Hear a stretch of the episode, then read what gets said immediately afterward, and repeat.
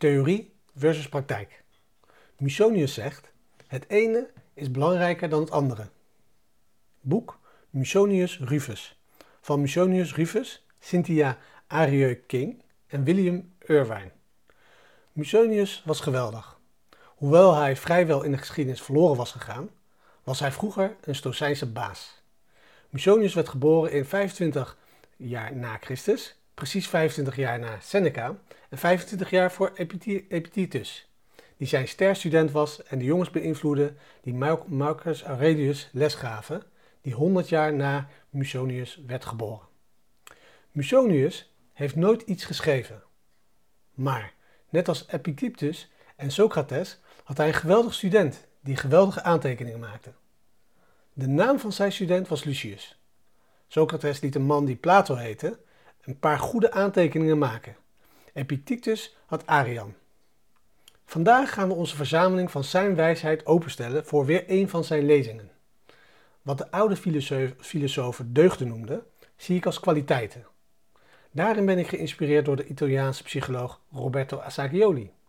Een deugd is een manier van zijn waarin een waarde tot uiting komt in zijn hoogste vorm.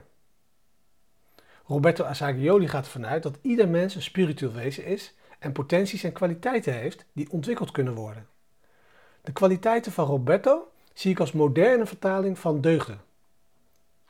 De lezing van Musonius gaat over of je met praktijk, het doen, of met theorie effectief je kwaliteiten kan realiseren. Aangezien de theorie leert wat we zouden moeten doen, maar in de praktijk wordt gedemonstreerd om in overeenstemming met de theorie te handelen. Kort antwoord. Theorie die leert hoe iemand moet handelen, ondersteunt actie en gaat logischerwijs vooraf aan de praktijk. Want het is niet mogelijk dat iets goeds wordt bereikt tenzij het wordt bereikt in overeenstemming met de theorie. Maar in feite is de praktijk belangrijker dan theorie, omdat het mens effectiever tot acties leidt dan de theorie.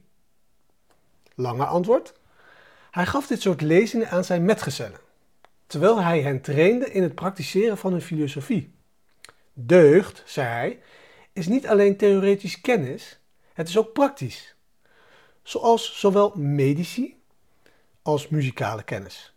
De dokter en de muzikus moeten niet alleen de principes van zijn eigen vaardigheid leren, maar moeten ook worden opgeleid om volgens die principes te handelen. Evenzo moet de man die goed wil zijn niet alleen de lessen leren die betrekking hebben op deugd, maar zichzelf trainen om ze gretig en nauwgezet te volgen. Zou iemand onmiddellijk zelfbeheersing kunnen verwerven door alleen maar te weten dat hij zich niet moet laten verleiden door verlangens? En kan hij verlangens zonder training weerstaan? Zou iemand door te leren dat hij van gematigheid moet houden, maar zonder het vermijden van overdaad te oefenen een gematigd mens kunnen zijn? Kunnen we moed verwerven door te beseffen dat dingen die vreselijk eng lijken niet gevreesd moeten worden en om dan zonder te oefenen moedig te zijn? Kunnen we wijs worden door te erkennen welke dingen echt goed zijn en welke dingen slecht zijn, maar zonder die wijsheid te praktiseren? Daarom moet het beoefenen van elke deugd altijd volgen op het leren van de lessen die erbij horen. Of het heeft geen zin om erover te leren. En dus, theorie is een noodzakelijke start, maar het is niet voldoende. Onze deugden, kwaliteiten, in de praktijk brengen is waar het uiteindelijk om gaat.